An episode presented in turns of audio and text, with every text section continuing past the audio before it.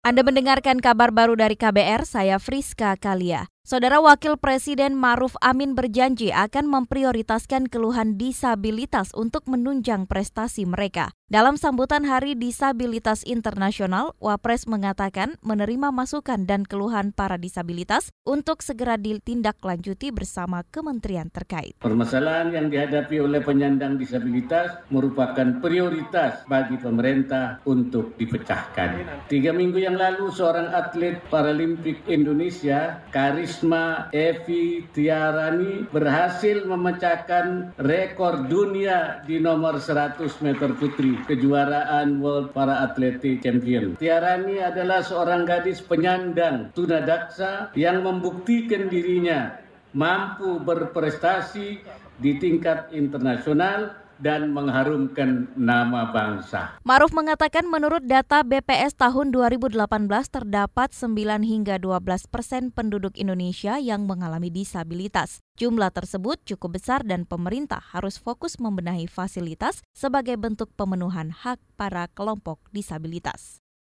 Beralih ke informasi selanjutnya, Wakil Ketua DPR RI Aziz Samsudin menegaskan sampai saat ini DPR tidak pernah membahas wacana penambahan jabatan periode presiden hingga tiga periode. Menurutnya wacana itu hanya isu yang dilontarkan untuk membuat gaduh. Dari DPR belum ada pembahasan tentang itu. Justru saya sebagai pimpinan DPR kaget dengan wacana yang tiba-tiba timbul ke media. Kita di DPR belum pernah mengagendakan itu dan tidak pernah uh, menjadikan isu itu untuk wacana uh, presiden tiga kali. Periodenya tiga kali. Tidak ada belum. Belum ada menjadi salah satu agenda di DPR ini. Wakil Ketua DPR yang juga politikus Partai Golkar itu sepakat dengan pernyataan Presiden Jokowi yang menolak wacana jabatan presiden menjadi tiga periode. Sebelumnya, Jokowi secara tegas menolak wacana jabatan presiden menjadi tiga periode. Dia merasa ada pihak yang ingin menjerumuskannya.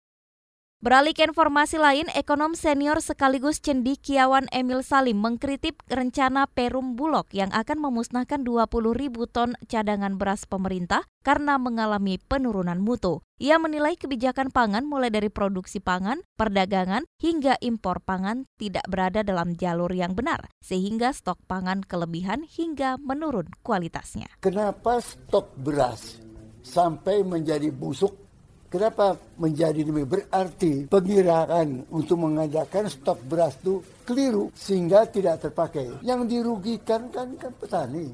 Karena kalau kita stok beras apalagi yang diimpor itu kan mempengaruhi harga, merugikan petani itu. Saya sendiri memperhatikan selama empat tahun nilai tukar petani pangan dan palawija itu yang dia terima lebih sedikit dari yang dia bayar untuk ongkos hidup. Emil meminta pemerintah melakukan evaluasi dari semua aspek mulai dari impor, harga beras dalam negeri, hingga penyimpanan stok beras. Ia meminta pemerintah berupaya agar jangan sampai nilai tukar petani anjlok dan merugikan petani. Ia juga meminta pemerintah menyerap produksi beras dalam negeri ketimbang melakukan impor. Saudara beralih ke informasi dari SEA Games, atlet Wushu Indonesia Edgar Javier Marvelo mempersembahkan dua emas dalam SEA Games 2019. Edgar berhasil merebut dua medali emas untuk Indonesia dari cabang Wushu di hari ketiga SEA Games. Atlet kelahiran Jakarta 6 Desember 98 itu merebut emas dari nomor Daushu Gunsu, Combined Putra dan Dulian Putra. Melalui akun Instagram miliknya, Edgar mempersembahkan dua medali emas tersebut untuk mendiang ayahnya yang meninggal beberapa jam sebelum laga final. Ayah Edgar, Lo Chiang Meng, meninggal sekitar pukul 1 dini hari tadi.